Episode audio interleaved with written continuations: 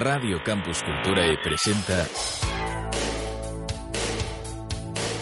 Atlantis Stelae.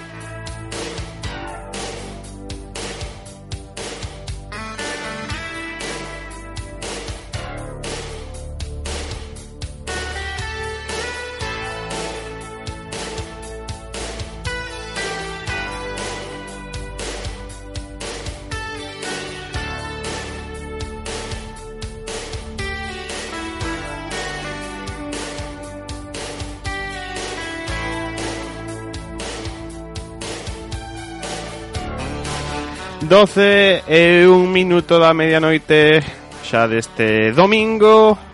Agora sí, voltamos. Volta a arrancar despois de un parón máis largo do que tiñamos previsto E do que desexaríamos. Volve a estar con todos vostedes Atlantis Estela e moi boas noites. Música Unha tempada na que, bueno, imos eh, traer cousas novas, cousas que se van manter. Un pouco, pois, eh, o que todos os programas Cada 15 días estaremos os sábados con todos vos, con todos vostedes Para levardes unha hora e media de radio na que trataremos temas históricos Na que trataremos, mm, pois, algo de conspiración, de espacio, de ciencia Un batiburrillo que demos en chamar Atlantis Estela, eh? E que volves comezar, e que volves comezar, como non, con Germán Valcarce Germán, moi boas Muy buenas. Que tal? Bien. Eh, creo que este ano tiñas previsto traernos eh, cousas distintas, non tanto o de sempre, senón traer algo diferente. Sí, porque me he dado cuenta de que a la larga eh, el que pasó en la semana ya va a llegar un momento en que se va a acabar repitiendo. Home, podía que era eh, y, mm, como dicilo, podía que era casualidade de que esta semana xusto foramos, este ano foramos nas semanas alternas a no- a das do tempada pasada. Pero era arriscado, canto menos. Y Eh, ten en cuenta que siempre se va a mover un siempre se mueve un día el calendario, es decir, algún día por narices, Sí, algún día repetiríase. así Entón este ano creo que nos vas traer mm, grandes descubrimientos. que- o no. ¿Eh? Sí, porque hay grandes descubrimientos en la historia de no solo ya a nivel histórico, sino en otros niveles, y hay grandes descubrimientos que es lo que se quiere descubrir, que se sabe su existencia, pero todavía nos ha descubierto. Oh, interesante. Marcelo Safores eh, virá máis tarde. Non, este ano non será o habitual que este connosco xa dentro principio do programa por, bueno, cuestións de axenda mm, social. El ten unha vida social moi extensa. E entón virá máis adiante, inda que, bueno, hoxe prometer aquí va a estar. Pero, en fin, isto así non pode seguir. Eh, nada, Atlantis Estela es comeza xa Germán e hoxe creo que viaxamos ata Egipto. Sí, y trae una bonita canción para ambientar.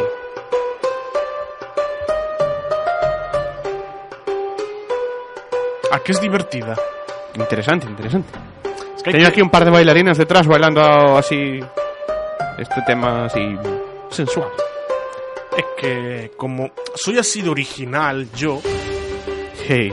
he decidido empezar por algo de lo que nunca, nunca he hablado. A ver si adivinas qué puede ser. Le está dando un tique nervioso. Está pensando aí- Eu penso que isto é El neocomunismo en China. ¡Correcto! Eh, eh, no. No, no, no, no, no. Howard Carter. Howard? Howard Ah, Howard. Carter. Howard Carter. Ese creo que atopou cousas maravillosas. Sí, O sea que imos a ir ata Egipto. Non, se tes razón, nunca falamos de eso en Atlantis Estela. É No. un tema totalmente novo. para nada. Sí, sí. Pois cándanos, Germán, que, con que imos empezar esta nova etapa de mm, descubrimentos ou non? Pues vamos a empezar con el descubrimiento de la tumba de Howard Carter. Ou non? Sí, Ah, vale. sí, sí, la descubrió. La tumba de Tutankamón. El 4 de noviembre de 1922, para ser exactos. Aunque no fue hasta un año después que pudieron abrir la tumba oficialmente.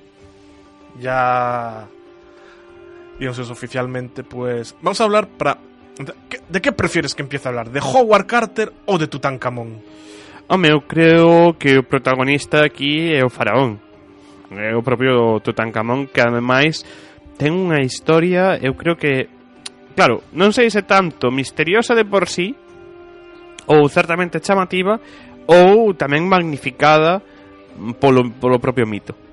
A ver, que, que, que sabes tú de, de Tutankamón? Bueno, sabemos que é un dos faraóns máis eh, xoves que tivo toda a, toda a historia das dinastías de Egipto. Correcto, sí. Que morreu asasinado ¿O no? ou no, pero en principio parece que sí, ou dun forte Hai mu- golpe na cabeza. Hay teorías y teorías, sí. Eh, bueno, que é un dos faraóns que mm, que tivo tamén un maior poder tendo en conta a súa idade. Sí, se puede decir que sí, aunque hay ahí... Siempre cuanto más joven es el faraón, rey, emperador en cuestión, más influencia tienen sus consejeros Sobre, sobre, él. él. Sí, correcto.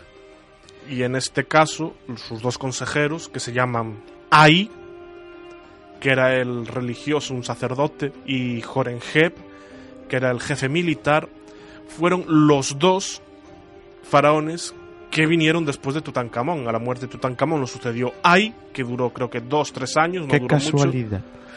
Y luego de la muerte de Ai fue Jorenheb. Que Jorenheb hay una, claro, todas estas cosas de listas de reyes y faraones saben por distintas listas que, que quedaron escritas, ¿no? En, en Turín, en casi todas están en Italia. Sí.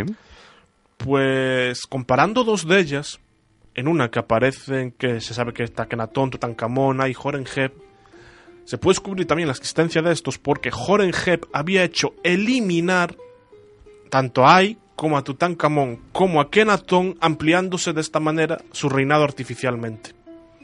Qué tramposo. Sí. Pero O sea, que fixe unha damnatio memoria é un pouco estrana. le salió rana, pero sí. Bueno, todas as damnatio memoria ao final acaban saindo ra, o sea, mm, podemos sinalar, ¿no? que a idea da Natio Memoria é eliminar calquera tipo de rastro dun mal gobernante. Non só as tiña Egipto nin só as tiña Roma, é algo que ven sí, sí. de moito tempo atrás. E nunca suelen funcionar. Mm, no. E fagan o que fagan nunca suelen funcionar. E Roma é un claro exemplo. Nerón, Domiciano, Cómodo se hicieron Damatio Memorias e, seguimos sabendo da súa existencia. Entón, bueno como a todos. Soleulle rana en este caso como a todos. Sí. Pues Tutankamón. O como a todos os que sabemos, igual. a lo mejor a, a- a- en alguno tiene que haber salido bien, si no, no lo haría. Eso está claro. A ver a alguén do que non saibamos nada. Hombre, de, de Tutankamón siempre se tenía dudas. De hecho, Carter se pasó pues cerca de 10 años excavando con Lord Carnarvon, que era el, el Lord que llegó para... Ahí ya hablaremos. Se pasó cerca de 10 años encontrando, buscando la tumba. O sea, que fácil no lo tuvo. Eu, eu non sei, Germán, se ti nos podes contestar a unha pregunta que nos estamos facendo moito, supoño, hasta ahora. Eh, por que ese interese por Tutankamón? Que tiña Tutankamón que non tiveran outros faraóns que o mellor ainda están sen descubrir hoxe en día? Pues Tutankamón, a ver, realmente de Tutankamón en ese momento apenas se sabía nada, pero claro, el interés que despierta Tutankamón viene sobre todo desde el descubrimiento de la tumba y el saber que fue realmente un, un niño, llegó con siendo lo que un men- menor de edad y murió con 18 años, es decir, apenas tuvo yo creo que es eso lo que atrae, el que sea tan joven y que haya, sea, el único faraón que haya conservado prácticamente intacta su tumba, con todas las riquezas, el sarcófago perfectamente sellado, la momia ahí dentro. Eso es lo que llama tanto la atención. eh, pero como- eso chamanos atención agora.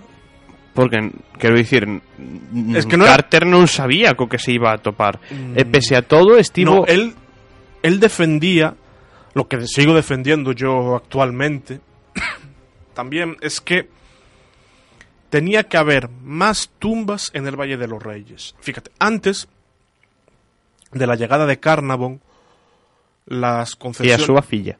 Sí, pero era papá quien tenía la pasta. Sí, pero Carter y ela... Sí, bueno. Amoríos aparte, el que tenía antes la mayoría de las concesiones eh, en el Valle de los Reyes se llamaba Davis. Davis defendía que el Valle de los Reyes estaba agotado, o sea que ya cuando llegó Lord Carnarvon ya no quedaba nada ahí. Sin embargo, Carter logró convencer a Carnarvon diciéndole, no, queda alguien. Tutankamón es un faraón poco conocido, en ese momento era menos conocido, no había tanta información, y aún así la que tenemos tampoco es mucha en comparación con otros faraones. Logró convencer a Lord Carnarvon de que sí que quedaba algo en el Valle de los Reyes. No, Lord Carnarvon es un lord que va allí porque por motivos de salud les recomiendan ir allí y dice, ¿qué hago? Me pongo a excavar. Y contraatacar Todos tuvimos esa sensación algún día. Sí. y durante 10 años con parón de la guerra, porque la excavación llega un momento en que estalla la Primera Guerra Mundial y a Lord Carnarvon lo, lo obligan a volver a Londres y a Carter el reclutamiento forzoso. Entonces las excavaciones tienen que parar durante la guerra, obviamente. Está claro. pero ya la llegada de la guerra ya fue en un momento en el que Lord Carnarvon se lo dijo a Carter. Es la última campaña que puedo financiar. O sea, se estaba quedando sin, sin dinero Lord Carnarvon. Y en la última campaña, de repente lo primero que descubren es un escalón. Entonces em- empiezan a excavar tal y ven que de repente Carter cuando ve los sellos, claro, sabía leer egipcio, ob- obviamente, después de Sí. estar ahí tanto tiempo. de feito creo que a filla de Carnaval tamén. Y leen ahí en el- los sellos Tut Ankh Amon. Que no sé, que aunque lo conocemos como Tutankamón, su primer nombre no fue Tutankamón, Non? Cal foi? Tutankatón. En homenaxe, a o sea, en homenaxe en descendencia do seu pai, supoño. Efectivamente, da que Natón. Tutankatón significa imagen viva de Atón, son Tutankamón y van imagen viva de Amón. De Amón.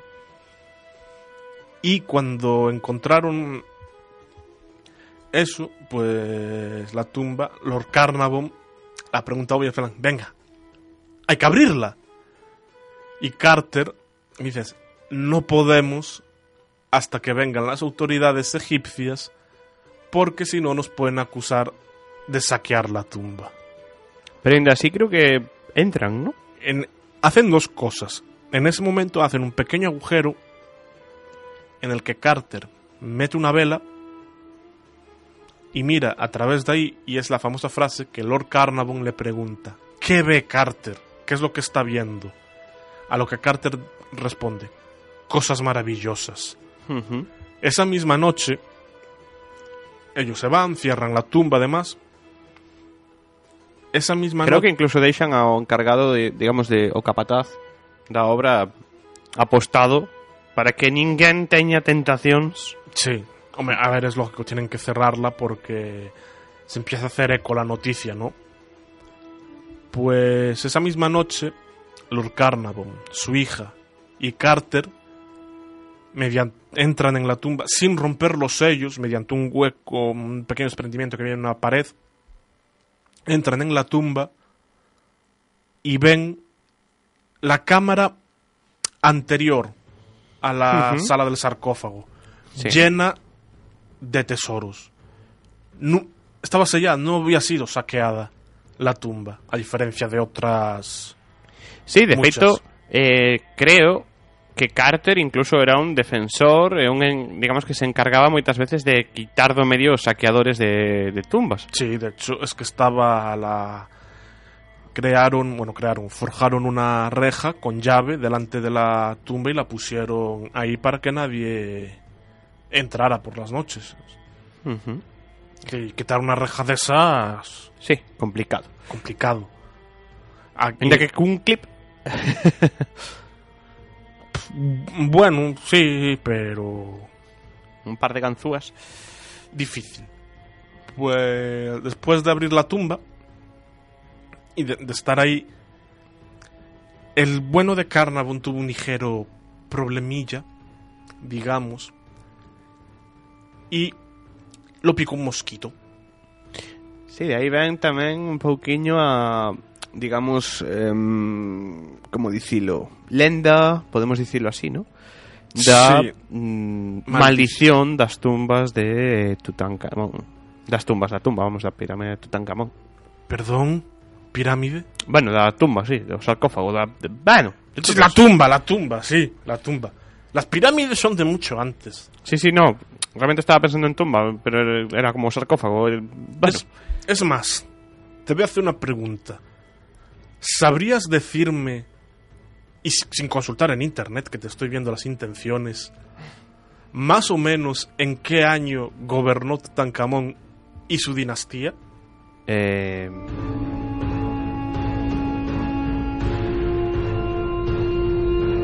Eh, vai muy lento internet. Sobre el 1330-50 antes de Cristo. O sea, Increíble. ha llovido. No, bueno, ali non tanto, pero sí. Bueno, vale. No, bueno, allí tenían el Nilo, se desbordaba Sí, pero chover, chover, poco. que chuvia... eh. Y la dinastía es la dinastía número De feito, ali o dito xa sabes que é ao revés, non? Aquí é nunca choveu que non escampara, ali, bueno, nunca fixo calor que non chovera despois. Sí, ¿no? ¿Por qué me da que te lo acabas de inventar? Totalmente. Gracias. ¿Y la dinastía? A dinastía... non sei. Para que te temos a ti? Para que nos cuentes esas cousas? Pues es curioso, pero Tutankamón murió a la misma edad que el número de su dinastía. Eh... Dez? No, Dez. ¡Ala, ala! No, con Dez foi nomeado faraón. 18. Dezase- dezase- eso, 18. 16 ou 18. La dinastía número 18. Que después de esta dinastía viene una de las más conocidas, que son los Ramesidas. Aí está un que durou moito tempo. Sí, y hace poco, lo he de comprobar y lo traigo en otro, lo comento en otro programa, hay otro, em- no sé si otro, creo que hay otro faraón y algún rey por ahí también hay, que duró más. Increíble. Sobre todo na época na que estamos falando. Sí, sí, sí. Que la, en- tú y yo estaríamos ya para arrastre. Básicamente sí. Pero eu teño unha dúbida, Germán. Estábamos antes eh, falando desa posible, que ao final era todo por mor dunha picadura dun mosquito, desa posible maldición que sufriu eh, Carnavon, que, mm, eso, debeu ser a picadura dun mosquito, pero claro, é que temos que pensar que o aire levaba ali enviciado miles de anos. Échale, si la sellan en el 1350 antes de Cristo, son más de 2000 años.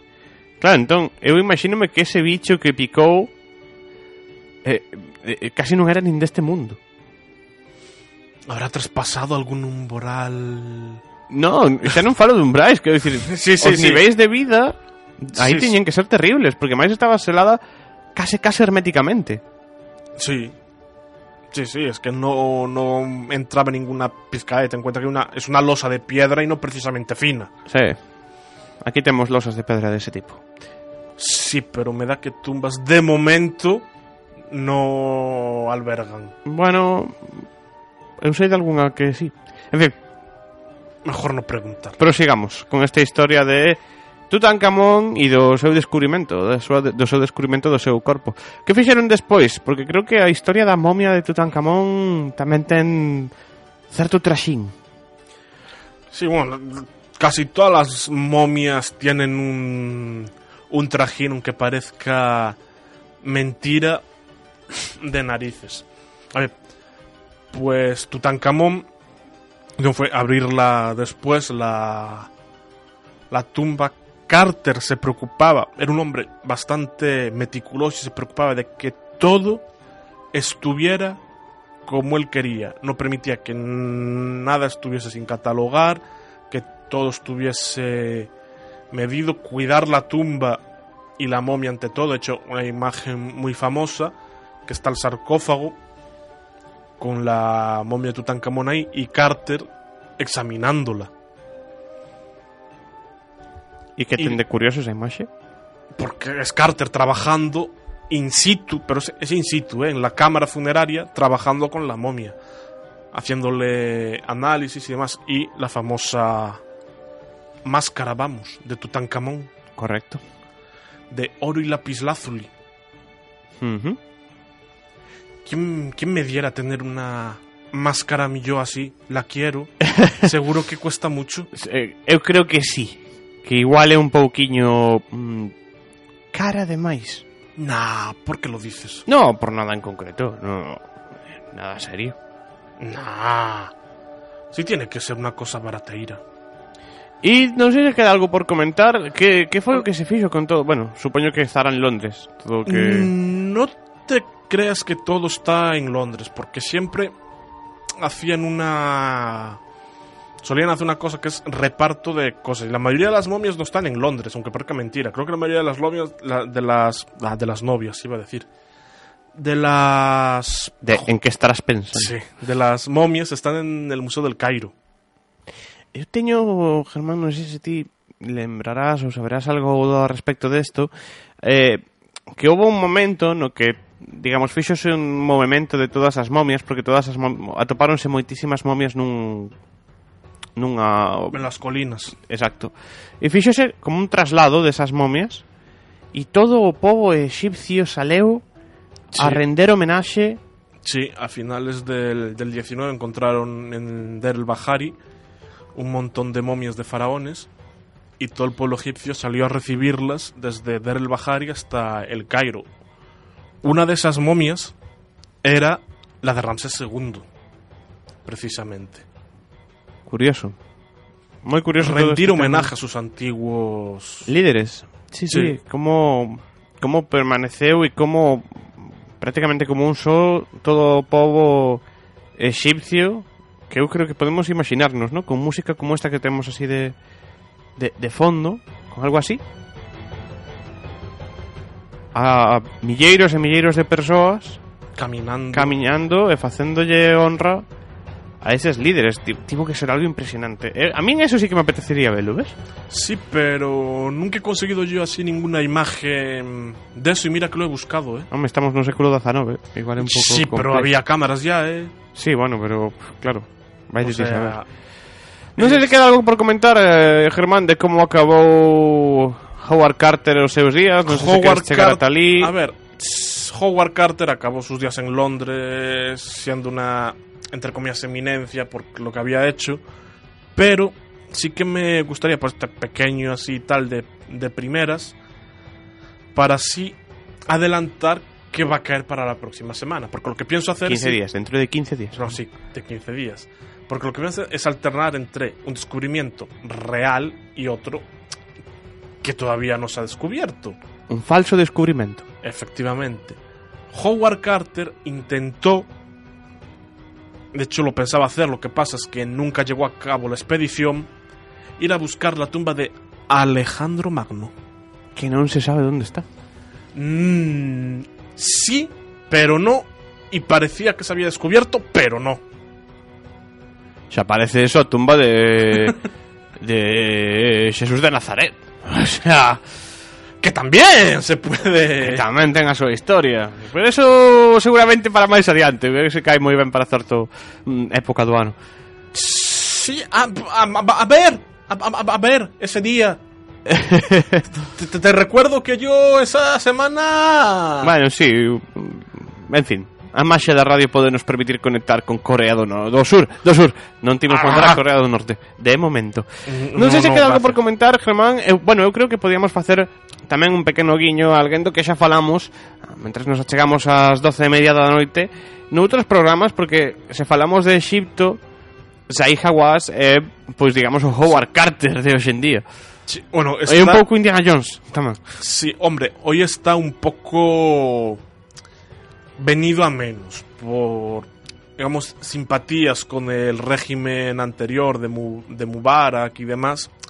Está un poco venido a menos el hombre y hace tiempo que no aparece en ningún sitio, pero sí, Zahi Hawass siempre significó en la historia de Egipto y de los documentales, no aparecía nunca sin un sombrero, pues es toda una eminencia y está metido en todos los percales. De hecho, uno de los últimos, que también hablaremos en este programa más adelante y que ya podemos adelantar, es de que en la propia tumba de Tutankamón, tras una de las paredes, al parecer hay una cámara y surgió hace unos años la teoría de que puede ser la de Nefertari.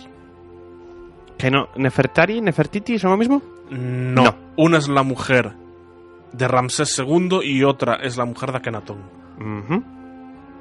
Pues, ¿se te parece? Eh, quedamos con eso, Germán. Podes tomar un descansiño, podes ir ao bar. Marcelo está chegando xa do bar, porque aquí todo o mundo vai ao bar. Isto é un desastre. E nada, chegámonos ás 12 e media continuamos con Atlantis Estela.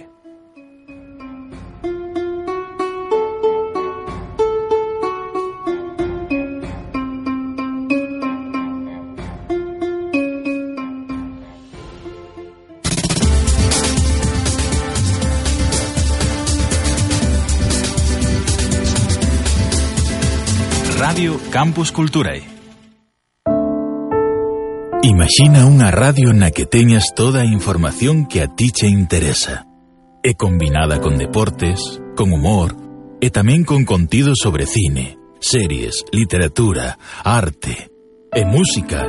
Moita e boa música. Imaginas que fose posible unha radio así? Pois claro que é posible. E xa existe. Chámase Radio Campus Culturae, a radio da diversidade. O que pasa é que Radio Campus Culturae non está no aparello de radio de sempre. Sintoniza Radio Campus Culturae na web www.radiocampusculturae.org ou a través de aplicacións como TuneIn en dispositivos móviles e tabletas.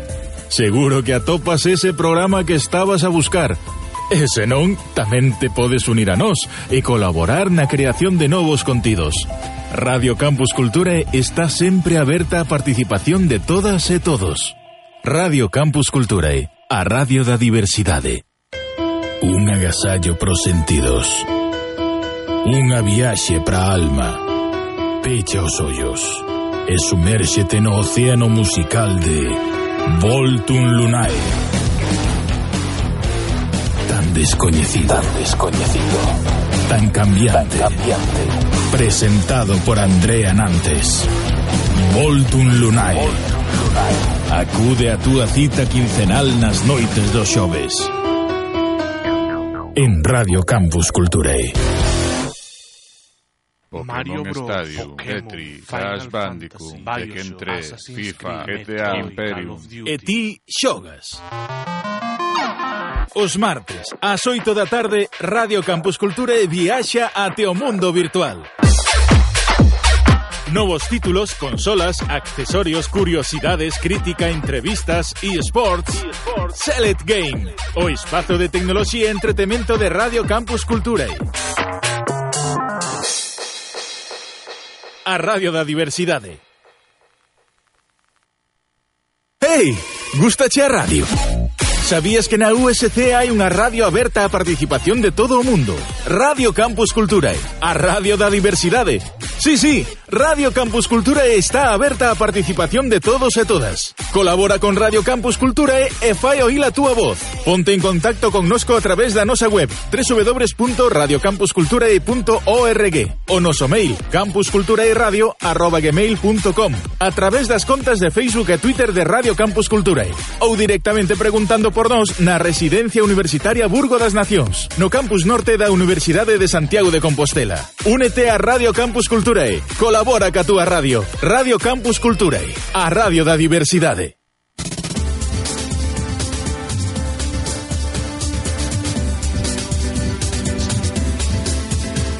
Radio Campus Culturae.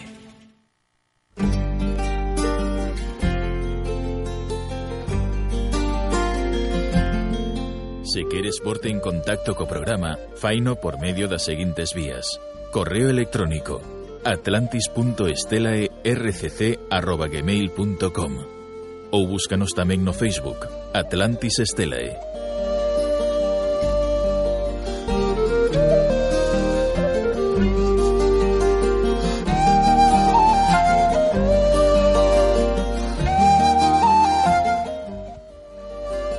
E despois desta nova sección que nos inventou Germán para esta semana, visítanos por fin, chegando tarde, como creo que vai ser un habitual esta tempada, Marcelo Safores que volve a Atlantis Estela, igual que volve a Atlantis Estela, e moi boas, Marcelo. ¿Qué tal? Sabes que a hora de empezar o programa é ás 12, verdad? Sí, y pero ¿por qué? Yo llegué tarde. Claro. No, Fíjate que hora é, xa pasan das 12 e media. eh. Lo que pasa es que estaba en el bar ahí. Ah, e non termina- subiches nada para nós, claro. Ti Terminando- estabas no bar, ahora Germán marcha para o bar. Aquí o único que non vai para o bar son eu que ten que estar todo o rato. Claro, non como- pode ser. Como corresponde. No, Siempre sí, tiene claro, que haber sí. alguno que tiene que quedar, ¿no? Claro, el, el pringao de turno. Que desastre. Eh, exactamente. Que nos traes para esta primeiro programa da mm, Eh, terceira tempada, podemos dicir de Atlantis Sí, Estela? podemos decir. A ver, eh, me traje un tema, encontré ahí el otro día, mm, ¿no? buscando cosas eh, ¿no? Eh, Buscando sí, cosas. Buscando cosas. En ocasiones ves cosas. En- en- encontré un, un artículo que se llama Siete detalles ocultos del viaje del hombre a la luna. A ver, pero isto non pode ser, estás te metendo no meu espacio. No, no, para nada. Te estoy dando. Veño eu aí cargado que trae noticias en noticias do espacio e... Te estoy dando un poco de, de información, ¿no? Y este es un artículo que eh, lo escribe Rafael Clemente, es escribe un, es un libro que creo que se llama Un pequeño paso para, para un hombre, y es un relato así de hechos insólitos y poco conocidos sobre lo que fue el, el programa el programa Apolo, ¿no? Pero todos, o- quero dicir, de todas as eh, misións Apolo ou... Sí, en realidad, sí, sí, sí, sí, del programa Apolo, no, no, no puntualmente de... Non do Apolo 11, No, no, no, no. no, puntualmente del, del, del viaje de Neil Armstrong, no, no, no, del- del programa Apolo, ¿no? O sea, cosas que, que, que ocurren, bueno, me pareció bastante interesante, ¿no? Para, para comentarlo aquí entre nosotros, porque además... eh, como es siempre es una nosotros estamos un poco en esa temática no de, de- de lo raro de Estamos, ¿no? Algún diría que estamos nas nubes. eh, Estamos Sí, máis arriba todavía. Estamos ahí, tenemos a Germán, que es un gran, que es un emblema del friquismo. ¿no? Escuitaches Y- súa sección de paso que viñas ou... No, no? Eh, no, no, No, xa. no, no, llegué... Este ano está, está nos traendo grandes investigacións. É unha cousa... Grandes curiosa. investigaciones. Sí, sí, grandes descubrimentos do, do ser humano. Está, está ben, está ben. Entonces, claro, este libro, por ejemplo, recuerda cómo fueron los primeros pasos de, de la gran aventura espacial, o sea, pasos que, que fueron marcados por el valor de los astronautas, por la perspicacia de los científicos y los ingenieros, cómo se pensaron, por ejemplo, las primeras misiones tripuladas, la enorme cantidad de chapuzas e improvisaciones a las que se recurrió sobre la marcha, porque Claro, uno, que uno cree... cando estábamos tamén. Claro. Que estábamos moi empañáis Bueno, en todos os aspectos tecnológicos. Exactamente, y uno cree que, que eso estaba allí todo controlado y esta No, gente se estaba enfrentando Si a, chegamos foi de milagre, de milagre. se estaba enfrentando a, a cosas eh, todo en todo el momento Sí, y que tenían sí, que salir del paso como estame como- resultando, xa con esto estame resultando como interesante. sí. Y después por ejemplo hay cosas que, que la gente se pregunta no y, y que a lo mejor las respuestas no están en los en los libros científicos no pero que son preguntas de uso diario. Por ejemplo cómo comían lo- los tripulantes cómo eran los ordenadores de las naves Calculadoras. a finales de los 60 Eran calculadoras. Claro. A nosas, as nosas calculadoras de teñen máis Sí. potencia que O, por os- ejemplo, hay que una, equipos hay, una de pre- hay una pregunta que yo me hacía de pequeño cuando veía esto, ¿no? Y Yo decía, ¿cómo hacen? ¿Cómo se resuelve el problema de hacer las necesidades fisiológicas? Ah, amigo. Que ¿Entiendes? sempre tan escatolóxico. Exactamente. y bueno, y evidentemente eh, el enorme esfuerzo y dinero que se pone, que se volcó en esa, en esas misiones, evidentemente dio sus frutos y al final los, lo- lo- los seres humanos lograron poner un pie en la luna solo 12 años después de lanzar el ¿Seguro? pri- sí sí 12 años después No, digo, sí, seguro que estivemos ali. Sí, sí, sabes sí, que. Ahora, ahora vas a ver, vas a ver que en, en una de estas siete particularidades se habla de eso, ¿no? Entonces, a ver, eh, si bien es cierto que la llegada a la Luna fue un esfuerzo, un, un resultado directo de las confrontaciones de la Guerra Fría, es evidente el componente político que lo animó, que estaba muy por encima del interés científico-tecnológico. Esto lo escribe el autor Rafael Clemente cuando dice que la principal motivación fue el compromiso de un Kennedy que decidió enfrentar a su país a un desafío colosal, no porque fuera fácil, sino porque todo lo contrario. A ver, Por- che, por- pasamos era- a das 12 e media da noite, eu creo que podemos falar claro. Chegouse a Lúa porque aquí era unha competición de a ver quen a tiña máis grande. Por- claro, pero bueno, pero está, A nave no, nos olvidemos que estábamos en plena en plena Guerra Fría, ¿no? Entonces, por ejemplo, una, uno de los de los uno de los de estos siete detalles, ¿no? Estos siete magníficos detalles, ¿no? Nos habla, por ejemplo, del lápiz más caro de la historia. Bueno, eso... Lo hablamos alguna vez, ¿no? Sí, e desmontouse hai pouco tempo de feito. Saltou a noticia de que non era tan certo o tema do, do bolígrafo e de que... El bolígrafo espacial capaz de escribir boca arriba. Sí. Eh, no? Hai unha... Mm, traía, de feito traio eu para despois, cando marches, que sei que vas volver para o bar, escoito. Mm, seguro. Eh, esa historia do que se dixo sempre de que eh, a URSS arranxou o tema pola vía rápida, con un mm. lápiz, eh, non é exactamente certa. A ver, un bolígrafo convencional en el espacio no funciona No, porque la tinta no cae hasta Correcto. la punta. Eso y, un, correcto. y un lapicero normal puede ser un peligro porque el grafito de Ahí la está. mina es conductor e inflamable. Ahí mira, está. mira por dónde. Claro. Entonces, y eso podía provocar daños en los equipos electrónicos. Claro Entonces, que- claro, ¿qué ocurre? Una empresa especializada en mecánica de precisión crea un sofisticado modelo de boli y le cobra a la NASA en ese momento 4.328,50 dólares con 50 céntimos por 34 unidades. Sí. Con lo cual, cada lapicero le salió a los contribuyentes americanos por unos 130 dólares. Sí, máis ou menos. ¿No? Pero ti non te, acordas do chiste este que se dicía sempre de a NASA invertiu millóns en descubrir eh, como escribir eh, no espacio e a URSS enviou un lápiz. Claro, pero... Ao final non é certo, é dicir, enviar un lápiz tería sido moi perigoso porque polo motivo que acabas de comentar. eh, claro, pero eso, eso lo saben nada más que los científicos. O sea, Sí, cualquier correcto. persona, cualquier persona que tú le dijeras, eh, ¿cómo te imaginarías que escribiría la gente en el espacio? Todo Mm. el mundo diría, pues coge un lápiz y escribe. Sí, pero no. O sea, sabemos que el boli puede no funcionar por la falta de gravedad, por lo que sea, por la presión, bueno, en fin, por lo que sea. Pero uno diría, pues coges un lápiz del de toda la vida Sí, y escribes sí, sí. y, y punto. Pero claro, n- nadie sabe que ese grafito puede ser una bomba de tiempo allí metida o porque es conductor y porque... Sobre todo, imaginaste, Marcelo, a risa de... ¿Por qué esto le... No, porque levaron un lápiz. A, a- o golpe social que tería sido se eso chega a pasar. Sí.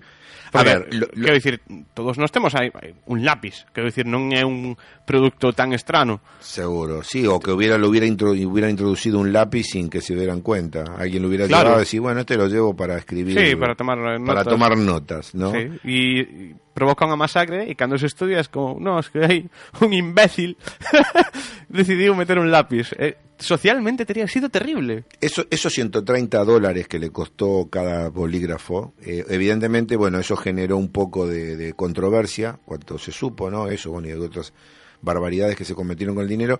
Y después, bueno, después apareció un tal Paul Fisher, o sea, Pablo Pescador. Sí, Pablo Pescador en, en las tierras Sí, de en sí. Castilla sería Pablo Pescador. Pablo Pescador, sí, sí, sí. Este, patentó un bolígrafo que era capaz de escribir boca arriba, gracias a un cartucho de presurización con nitrógeno. Y le dijo a la NASA que el diseño le había costado un millón de dólares, ¿no? Pero entonces la agencia espacial se limitó a esperar. Y la astuta decisión le permitió comprar centenares de bolígrafos espaciales cuando ya estaban en el mercado por el nada astronómico precio de 4 dólares. Es decir, el Pablo Pescador este quiso pescar en Río Revuelto, Sí, pero ¿no? Y no le llevaron el De feito, eh, bueno, despois vou non comentar máis eh, polo miúdo, pero había unha edición deses primeiros bolis, eh, a empresa que os creou, sacou Para agora como unha souvenir, edición... claro, como... como No, no, pero claro. recentemente, eh, mm. haberá un este ano, eu creo, ou ano pasado, con motivo do inicio de toda a carreira espacial e demais, sacou unha edición daqueles mesmos bolis nunha caixa super bonita, de ouro e demais, por un modo que o precio de 500 dólares. Creo vale. recordar, pero falaremoslo máis adiante. Pero eso é para a... exquisitos para a gente que lo pueda comprar e vai e se lo compra. Sí, bueno, Bueno, Caprichos. o- o- otra de las cosas eh, interesantes que siempre nos preguntamos, pero nadie nos explicó correctamente, es qué comían los astronautas. O sea, ¿qué- cuáles eran los menús. O sea, los astronautas del programa Apolo, ellos se iban y estaban muchos días de pronto Y en aquella época no había estación espacial, o sea, No. se tenían que mover dentro de ese habitáculo. Estaban muchos días en un espacio prácticamente eh, Dimi, in- e de feito ese é o mesmo problema que afrontase ahora para ir a Marte. mínimo, claro. Entonces, eh, los astronautas del programa Apolo tenían una carta con 70 alimentos que eran fácilmente masticables y que no generaban migas. Claro, porque otro- a, as migas podían ser un problema, ¿no? Claro. Tendo no, no espacio. Ellos, por ejemplo, podían escoger un amplio surtido de alimentos liofilizados o deshidratados que eran fácilmente masticables. Ya en la Luna, el repertorio culinario de los astronautas de la del programa Apolo 11, por ejemplo, se reducía considerablemente. Los tripulantes, en- eh, estando en la Luna, solo podían escoger entre dos menús. El primero incluía cubos de tocino, melocotón, galletitas de azúcar, zumo de piña y pomelo y café. Y el segundo tenía, era estofado de buey, que a ver, de, de aquella manera, sopa de pollo, pastel de dátiles y zumo de uva y naranja.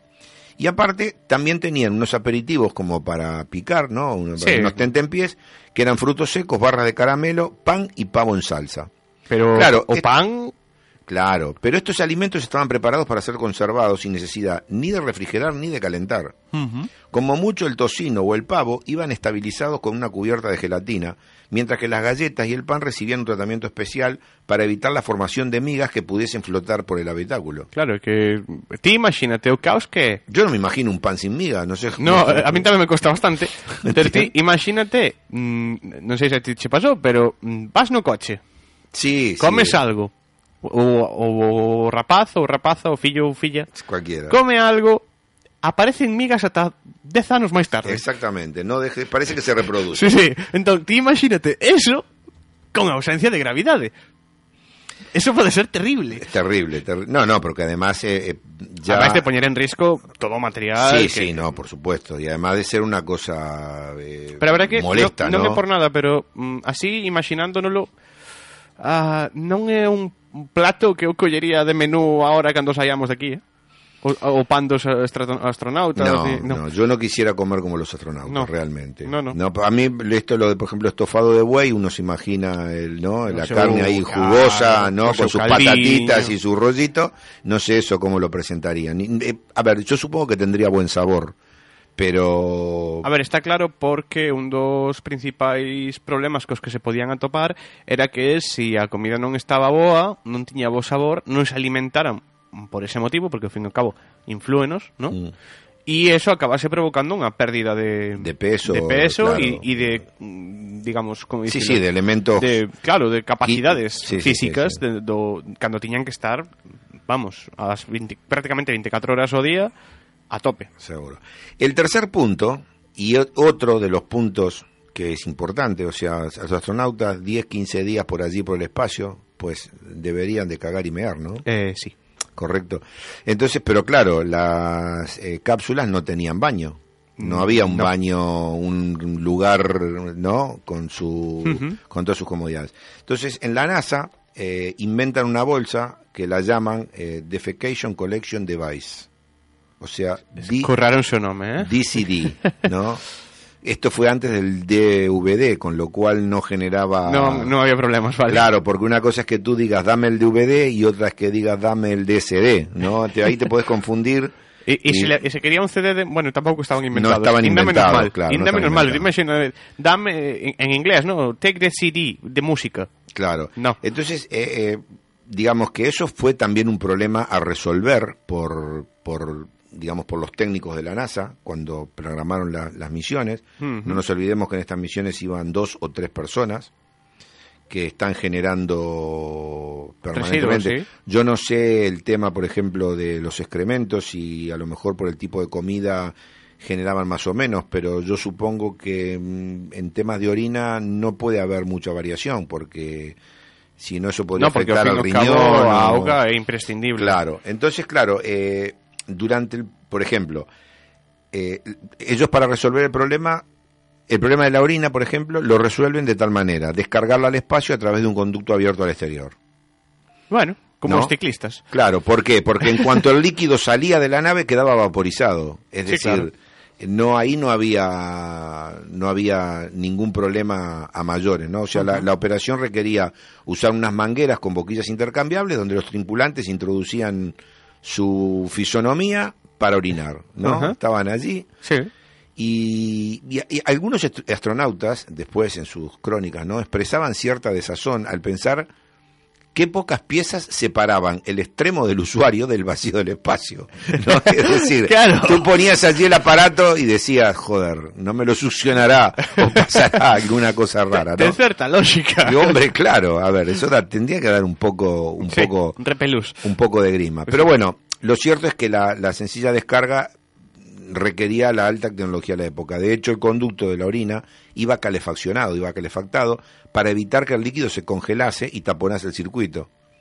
Y por ello iba recubierto de oro. Ah, Mira tú, por dónde ponen la cosa.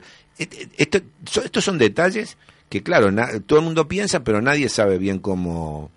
¿no? no, é que son detalles complicados, de feito, quero dicir, eh, é o que comentábamos ao principio, enfrontarse a todos estes problemas que a priori, a priori poden parecer simples, naquel momento, ainda hoxe, é o que distingue. Claro. Porque, Todos nos por ejemplo, estas preguntas, ¿no? cada vez que un astronauta iba al retrete ah, y ponía y se ponía a mear allí por el por el aparatejo ese, se formaba una nube de cristales de orina que acompañaba luego a la nave durante un trecho mientras se iba vaporizando, ¿no? Y en alguna ocasión algún tripulante habló de la conste- constelación de Urión, ¿no?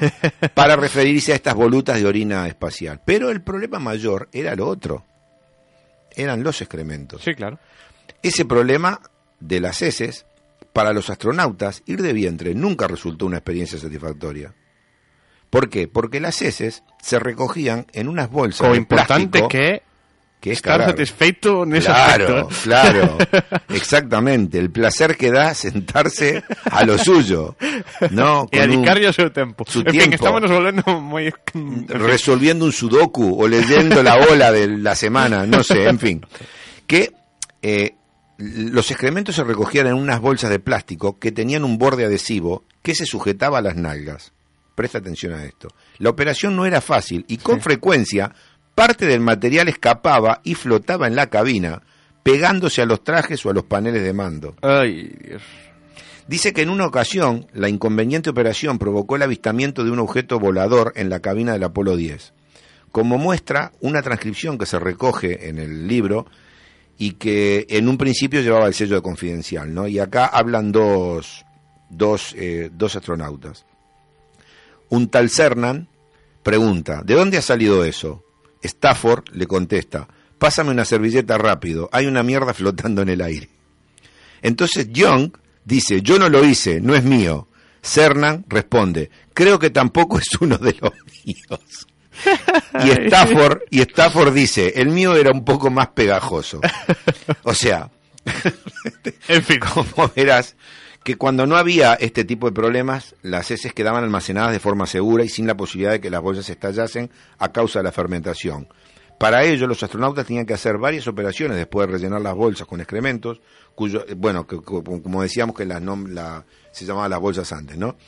Los tripulantes para ello debían introducir una, una pastilla germicida, amasar bien la mezcla y guardarla en el compartimiento que no siempre cerraba herméticamente. Por si acaso debían meter las bolsas en otros envoltorios y contaban con sensores de presión que detectaban la posible ruptura de alguno de los envases. En el módulo lunar, que se posaba en la superficie de la Tierra, los astronautas sencillamente dejaron abandonadas bolsas de basura y de excrementos. Además, podían hacer sus necesidades dentro del traje gracias a un culote diseñado a tal efecto. Ningún astronauta reconoció haberlo usado. es, que, es, es que es que es flipante, tío. Porque claro, a ver, es una cosa tan normal. Sí, claro, a ver, é que mm, é moi difícil que nos fagamos a idea, no sé, claro, temos moi asimilado rollo este tipo de necesidades, vas ao baño e fanse Claro, pero tú imagínate en la misión que te pille un apretón. Tú imagínate a Armstrong dando sus pequeños saltos por la luna y que de repente le pille ahí un coso y comience a correr hacia la nave y el que está dentro le diga Aldrin. y el que está dentro le diga ¿dónde vas Armstrong?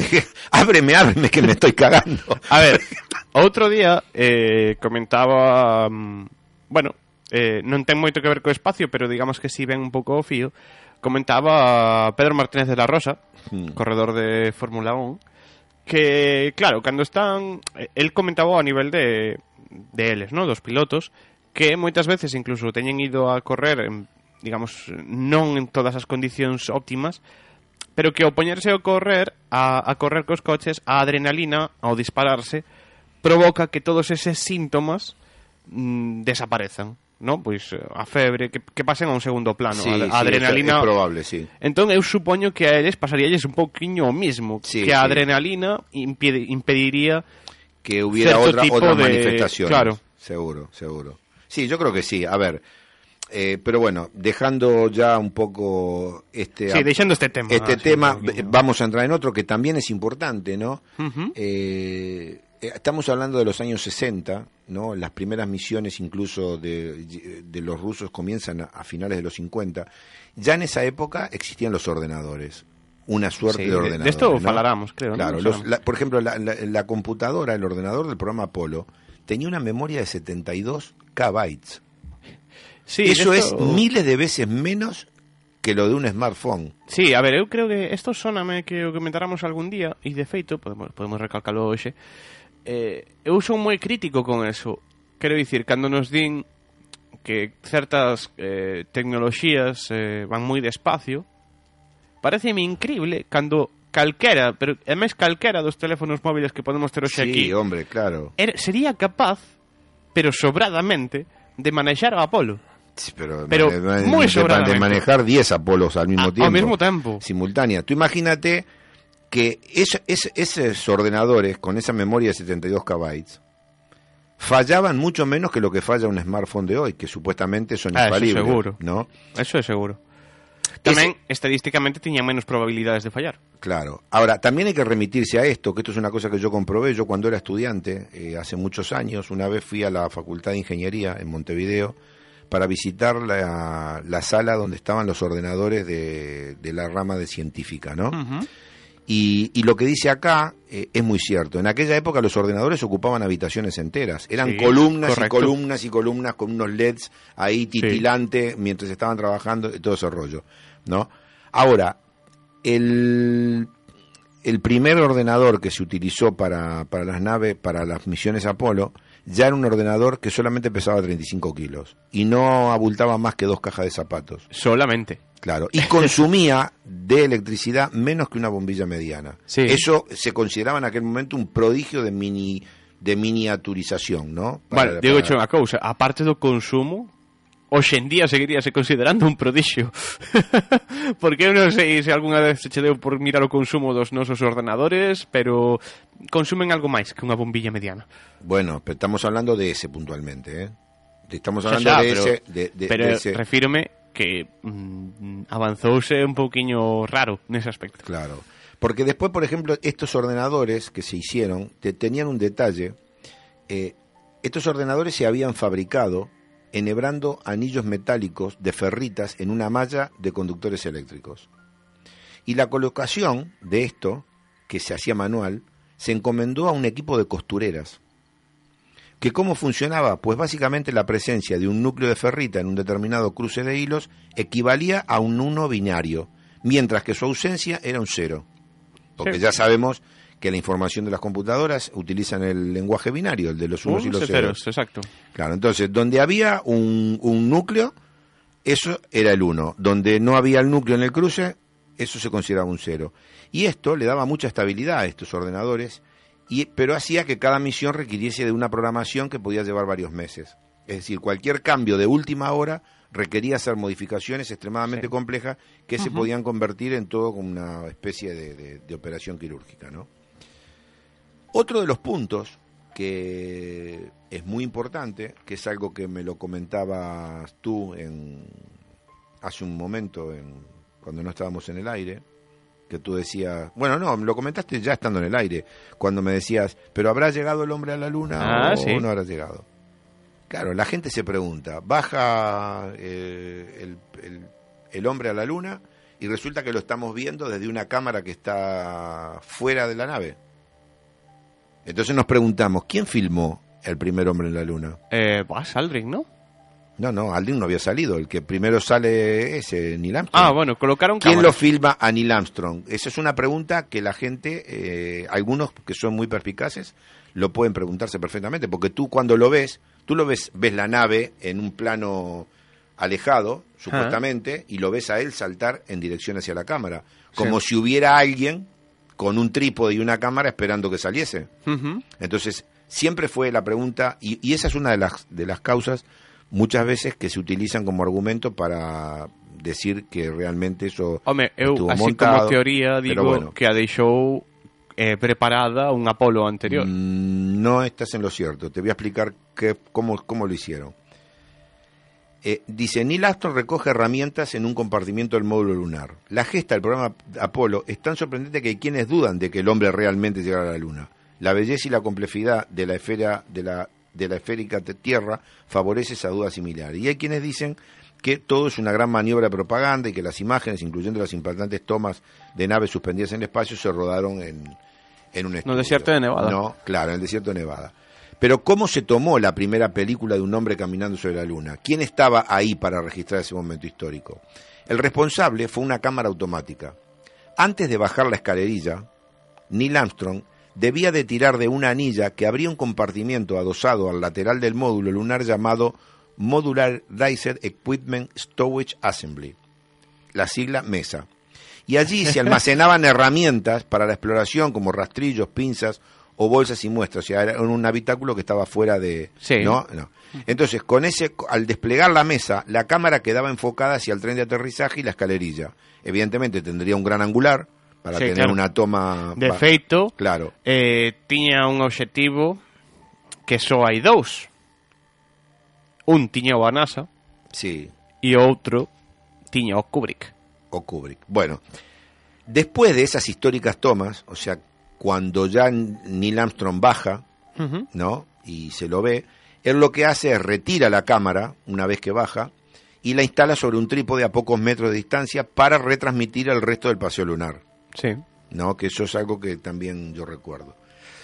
Y ya llegando, digamos, a la otra de las cosas que, que son importantes, ¿no? Eran las cuarentenas de los astronautas. Sí, o laboratorio de recepción lunar. Exactamente. Eh, el eh, Richard Nixon, el presidente Richard Nixon saluda a los astronautas dentro de un vehículo de cuarentena que era una como una especie de caravana modificada. O sea, la- todo el mundo estaba convencido de que no podía haber rastro de vida en la Luna a causa de sus extremas temperaturas y el bombardeo de radiación, pero por si acaso la NASA impuso una severa política de cuarentena para los astronautas que volvieron del satélite. Después del regreso a la Tierra, cuando la cápsula Columbia quedó flotando en el océano, los astronautas del Apolo 11 tuvieron que ponerse una escafandra hermética y una mascarilla de filtro antes de saltar a la balsa. Los operarios de la NASA pulveriz- pulverizaron un antiséptico por las paredes de la cápsula y en la escotilla y rociaron a los astronautas con lejía. Un helicóptero los hizo uno por uno y Con los llevó- lejía. con lejía. Dios mío. Con lejía. A ver, el lejía es el mejor desinfectante. Sí, está claro, no, está claro, pero wow. un helicóptero los hizo uno por uno y los llevó a un buque de rescate, que era el, el portaaviones USS Hornet, Ujú. y las paredes de la cápsula y la balsa se embadurnaron con betadine. Mira por dónde. Sí, claro. Lejía y betadine, lo que todos tenemos en casa. Pasados unos 30 minutos, la balsa y los utensilios utilizados se hundieron en el Pacífico. O sea, se, como que se desinfectaron y después se hundieron. Ya a bordo del Hornet, los astronautas internaron en un vehículo de cuarentena, una especie de caravana de camping modificada, y tras ellos un técnico provisto de un spray de desinfectante roció todo el camino que habían pisado como si se tratase de apestados.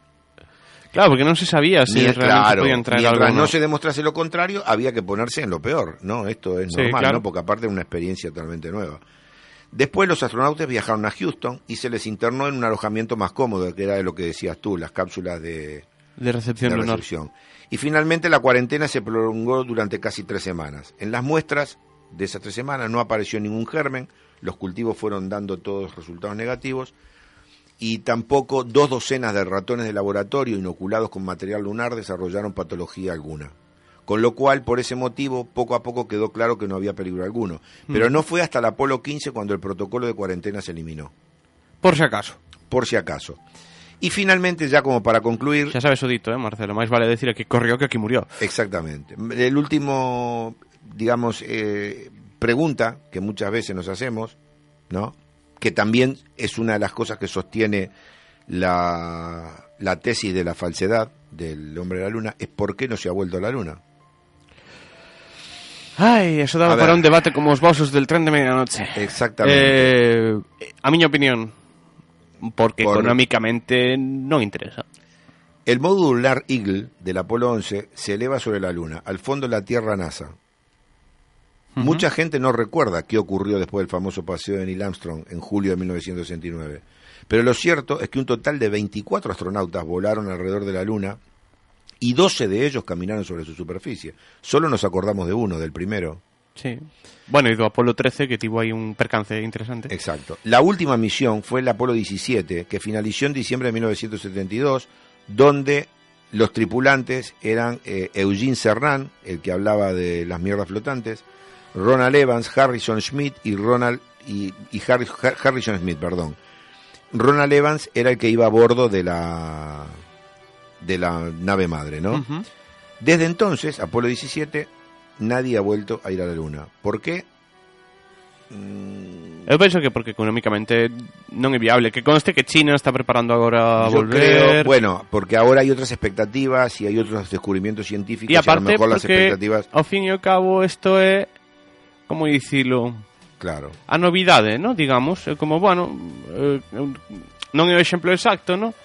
Pero poñamos por caso que fora como alcanzar a cima dunha montaña, pero para alcanzar esa cima precisas moitísimos recursos. No momento no que xa alcanzou alguén, xa viu o que había, eh, perde ese atractivo. Claro, es que ya una vez que finalizó la, la- la misión del Apolo 11, ya la NASA comenzó a anunciar las primeras cancelaciones para los proyectos Sí. futuros. Claro. Por un, por un lado, el presupuesto ya no daba más de sí, ¿no? Y eh, a partir de allí empiezan los despidos de personal técnico, tanto en el área de Cabo Cañaveral como en las empresas subcontratistas, que estaban obviamente repartidas por todo el país. Y en enero de 1970 se hace oficial la anulación del último Apolo, que hubiera sido el 20, que Mm. se estaba programado, pero nunca, Nunca volou. nunca despegó. La realidad, y esto sí, ya como para terminar con esta sección, es que a los Estados Unidos el proyecto Apolo le costó 24 mil millones de dólares de la época. Claro. Lo que hoy, indexado, sería seis veces más. Claro, Aproximadamente. que económicamente... eh, Hoy Es creo, complicado. creo que hoy conseguir un presupuesto en el Senado en, en lo- Imposible. de los Estados Unidos de este dinero que te aprobaran esto para un proyecto me, me parece que sería imposible. sería imposible. Pero sería imposible que te autorizaran 24 mil millones, no Sí. seis veces más. No, no, xa 20.000, da, da igual. Re- De feito, a NASA veuse forzado hai pouco a reduccións, ahora parece que volve subir porque, bueno, o presidente de Estados Unidos ten unha mentalidade se cadra un pouco dos anos 70 e loitar contra as... Cuidado que después se gastaron otro pastizal con las misiones de los de estos- Los transbordadores. de los transbordadores, Sí. ¿no? Con todos los problemas que tuvieron. Que non foron tantos estadísticamente, pero bueno. Porque en definitiva, ¿qué es lo que se buscaba cuando cuando se fue a la luna? Lo que se buscaba cuando se fue a la Golpear luna a Rusia. Bueno, a, No, Unión pero, pero- no, pero digo científicamente. Ah. ¿no? O sea, en ese pequeño espacio de científicamente que pudiéramos hablar, ¿qué se buscaba? Se buscaba encontrar un vestigio de vida, algo que diera respuestas Sí. a la- esa cantidad de... de- de- Demostrouse que non había e claro, perdeu claro, interés. ¿no? eh. Y, y- y un poco... E con Marte seguramente pasará igual. Bueno, pero. Marte tiene otras condiciones. En Marte puede haber algún tipo de vida, a lo mejor no una vida que pueda evolucionar como ha evolucionado en la Tierra, pero sí algún tipo de, de elemento vivo, ¿no? Que el elemento vivo podría ser una bacteria. Sí, O, ¿no? así pasará un pouco o mismo, o sea, vida que se atopa, si é que se atopa algunha, que bueno, Hombre, todo, en Marte, en Marte, que en Marte hay agua, en Marte hay Sí. agua, hay hielo, ya eso es un avance. Eh, en la Luna, Na Lua tamén había xeo, pero ¿Dónde? en superficie en baixo a superficie. Pero eh, a temperatura non é idónea, non hai atmósfera, bueno, hai unha cantidad de circunstancias que impiden a vida. Pero ainda así eu penso que en Marte pasará un pouco o mismo, en canto se pise deixe de ser a novidade, o ser humano é así no momento no que deixaron a novidade non interesa e claro. igual pasa un pouco parecido Gaia non, porque pode ser a oportunidade de probar moitos tratamentos, ao fin e ao cabo no espacio investigase moitísimo sobre medicina sobre moitos temas a mí lo que una de las cosas, por ejemplo que, que que me llama mucho la atención de la luna, ¿no? Y que me cuesta a veces imaginar, es eh, el cielo negro estando de día, Sí. ¿no? Porque allí cuando da el sol, ¿verdad? Sí, sí. Es de día y se generaban sombras, pero el cielo sigue siendo oscuro. Claro, porque non hai atmósfera que No hay... transforme a cor. Exactamente, exactamente. Eso es increíble. Super interesante, Marcelo, ainda que te meteras bueno. así un pouquiño na miña sección. Ah, hombre, te lo dejo a huevo para que tú sigas ampliando. Deixámoste que marches ao bar Volve Germán dentro duns minutiños E afrontamos xa a recta final de Atlantis Estela E vémonos dentro de 15 días, Marcelo, chao Venga, un abrazo para todos. Chao.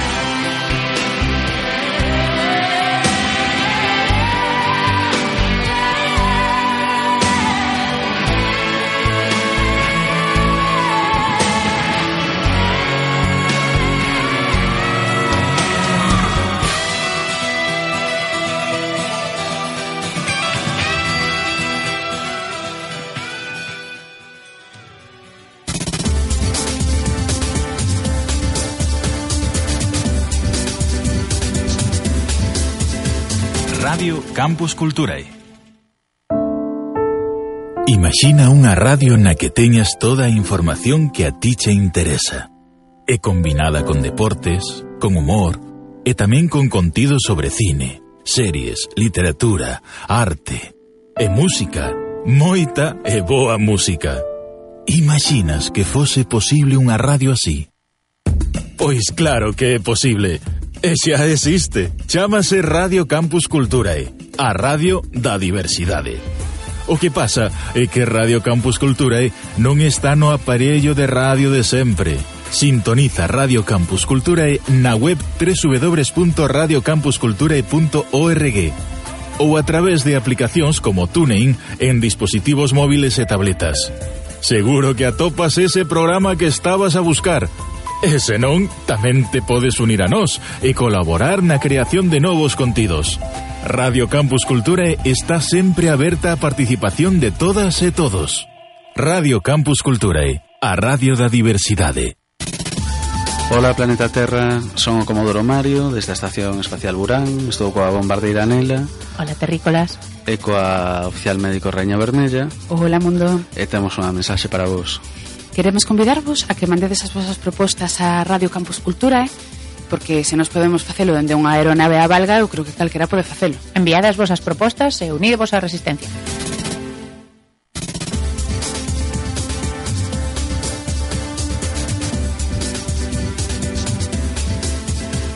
Radio Campus Culturae. Hey, gustache a radio. Sabías que na USC hai unha radio aberta á participación de todo o mundo? Radio Campus Culturae, a radio da diversidade. Sí, sí, Radio Campus Culturae está aberta á participación de todos e todas. Colabora con Radio Campus Culturae e fai oír a túa voz. Ponte en contacto con nosco a través da nosa web www.radiocampusculturae.org o noso mail campusculturaeradio@gmail.com a través das contas de Facebook e Twitter de Radio Campus Culturae ou directamente preguntando por nós na Residencia Universitaria Burgo das Nacións, no campus norte da Universidade de Santiago de Compostela. Únete a Radio Campus Culturae. Colabora ca túa radio. Radio Campus Culturae, a radio da diversidade.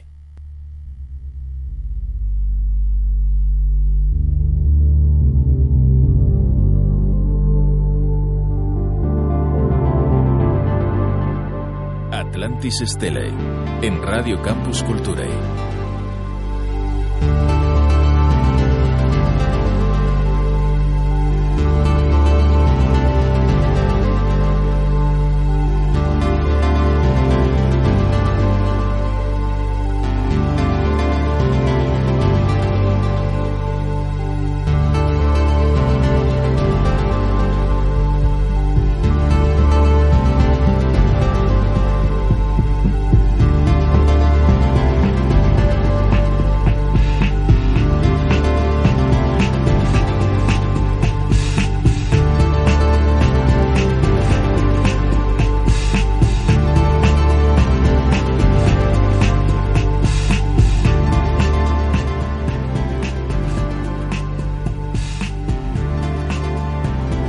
Estoy... Ahora sí.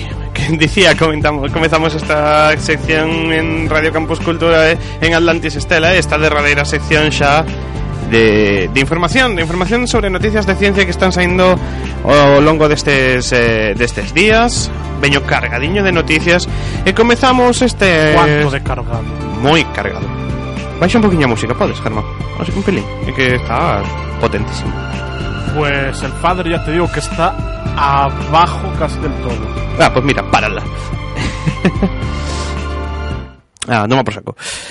E comezamos esta sección de noticias eh, viaxando lonxe. De feito, moi lonxe, a 184 millóns de, kil de kilómetros da Terra. Pois é ali onde un grupo de investigadores vende localizar unha estrela xemelga ao noso Sol que foi xerada no mesmo cúmulo haberá 4.600 millóns de anos. Casi nada. Malia que foron moitas estrelas as que se xeraron naquel momento, co paso do tempo remataron por dispersarse, facendo realmente complexo o traballo de dar con elas ao longo da nosa galaxia a día de hoxe.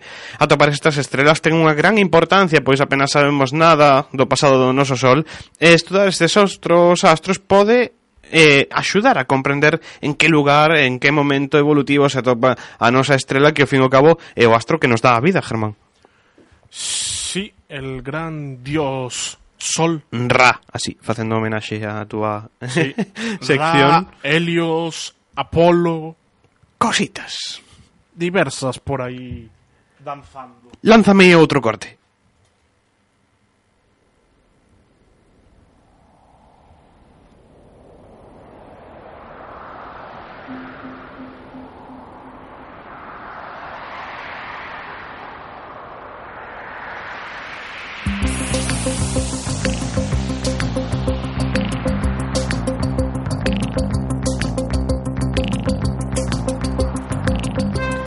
Jean-Michel Jarre, o seu Oxygen lévanos ata unha noticia medioambiental pois os niveis de gases do chamado efecto invernadoiro, aqueles que atrapan o calor da atmosfera terrestre, veñen de alcanzar un novo máximo histórico na era industrial e un dos máis elevados alo menos nos últimos 3 millóns de anos.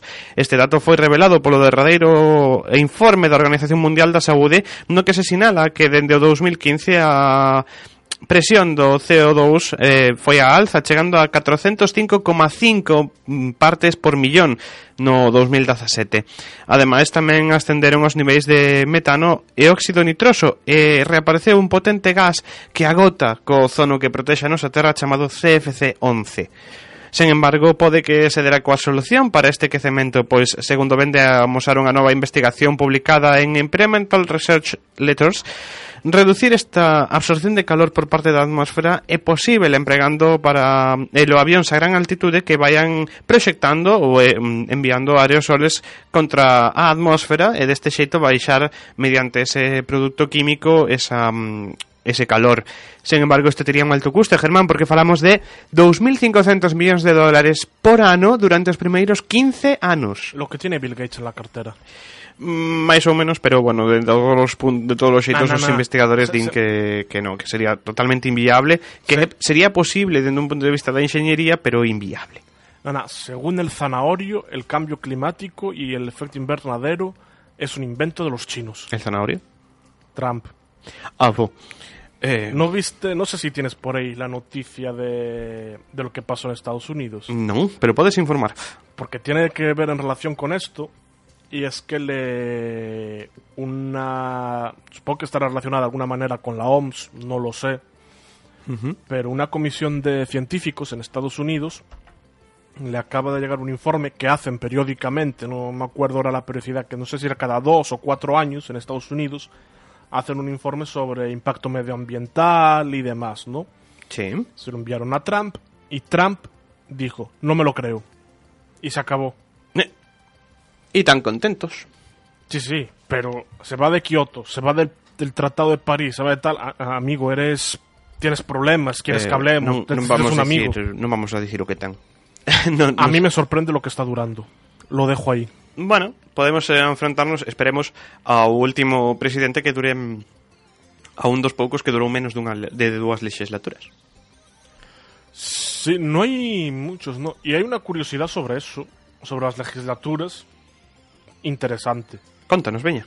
Temos ainda uns minutiños antes de chegar a unha e media da madrugada. que es, no sé si sabes que hay una ley, realmente una de las enmiendas limita el mandato de los presidentes a ocho años. Correcto.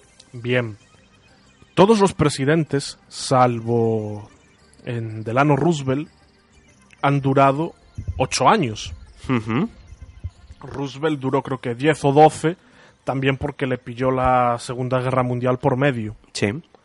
Pero a pesar de que todos los presidentes anteriores a Roosevelt desde Washington duraron como máximo ocho años, la enmienda al límite del mandato no se puso hasta después de Roosevelt. Interesante.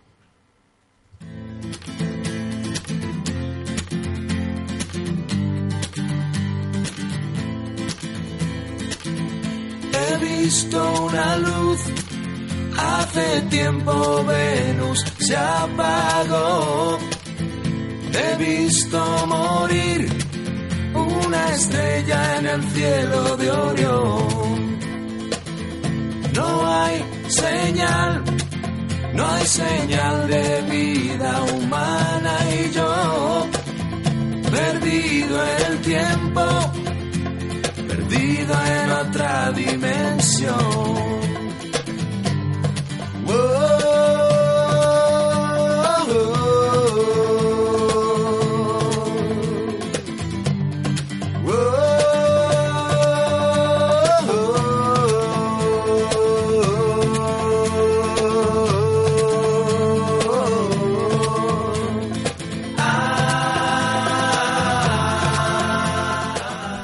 E pasan uns, min, uns segundiños da unha cuarto da madrugada, Germán, cando chamamos á Terra. E por que chamamos á Terra? Porque a Voyager 2 segue a despedirse na súa longa viaxe interestelar. Isto comunicou o control de Terra desta misión que recibiu máis pistas que proporcionan información que indica que a nave está a sair nestes intres da heliosfera, esa burbulla xigante que bordea o noso sistema solar e que está mm, rechea chea de partículas que ese vento solar eh, eh, vai empurrando cara, cara fora. Heliosfera. Exacto. A Voyager 2, Germán. Cantos anos leva voando a Voyager 2? E eu creo que A esta ver, canción sería ideal, ¿no? Imaginamos a alguén na Voyager dicindo, Volar, Dios mío.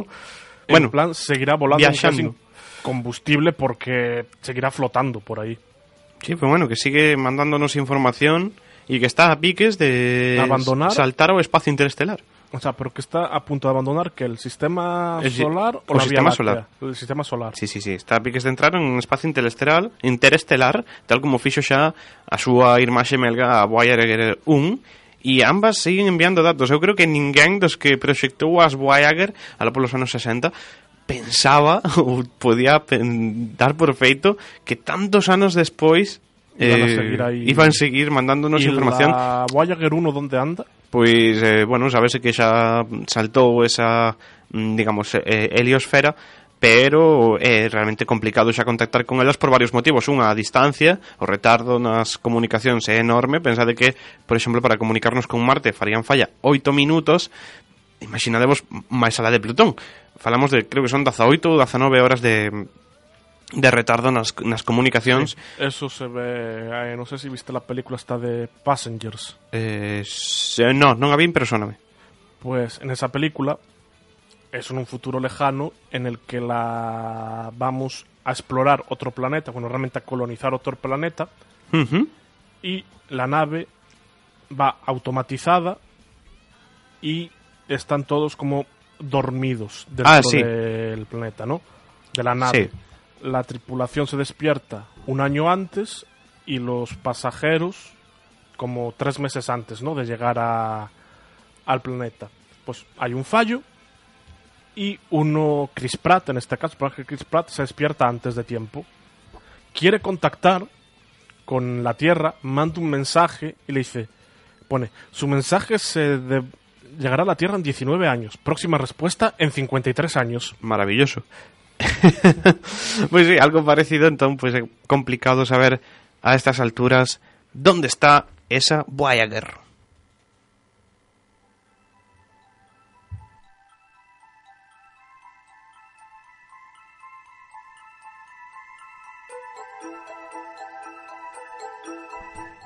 E continuamos no espazo, por un días precisamente pousábase en Marte a nave InSight, un proxecto que será o primeiro en estudar o interior do planeta roxo e mm, tentar descubrir se este planeta está morto dun punto de vista eh, xeomagnético ou ainda alberga algo de, de vida. Un proxecto moi importante de feito para España porque a estación meteorolóxica que leva a bordo está diseñada aquí e construída aquí en, en sí, España. Os españoles somos totopes. Sobre todo en cuestións de meteoroloxía, non fallamos nunca.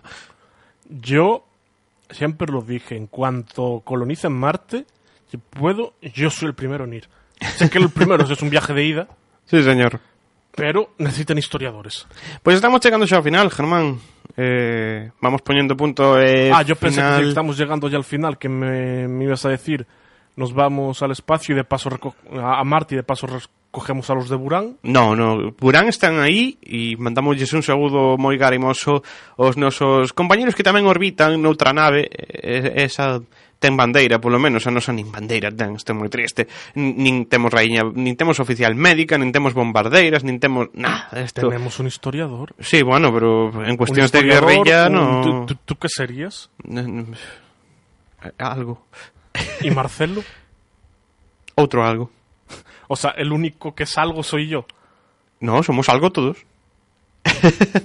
en fin, Germán, que poñendo punto de final con un tema que temos aí preparado de Maroon 5 titulado Animals. Eh, será a canción que empreguemos para despedirnos esta semana. Voltaremos dentro de 15 días aquí a Radio Campus Cultura. Xa sabedes que podedes escoitar todos os programas de Atlantis Stelae, os emitidos nesta tempada e os de tempadas anteriores, na página web www.radiocampusculturae.org aí tendes tamén o resto de compañeiros, o resto de programas como Select Game, como Tren de Medianoche, Que como el martes venimos cargados de narices en Select Game. ¿En serio? Sí. Interesante. Tengo seis páginas solo de información. Que, que medo. Pois Germán non é dos rapaces que trae guión, así que... E non fin... con, Y no estoy contando contra. en fin, que todos os programas xa sabedes eh, se están a vosa disposición, atópanse en, nesa páxina que vos comentaba, en www.radiocampusculturae.org. Sabedes que tamén podedes escoitar Atlantis Estela e todos os programas nas remisións en directo a través de aplicacións como Tuning Radio, como Tapping, tamén dentro da propia página. Tuning Radio, Tuning. Radio, tapping, eh? Mala chame en inglés, perfecto. E nada máis, sede moi felices, desfrutades, seguide facéndonos compañía aquí en Radio Campus Cultura e ata dentro de 15 días. Chao!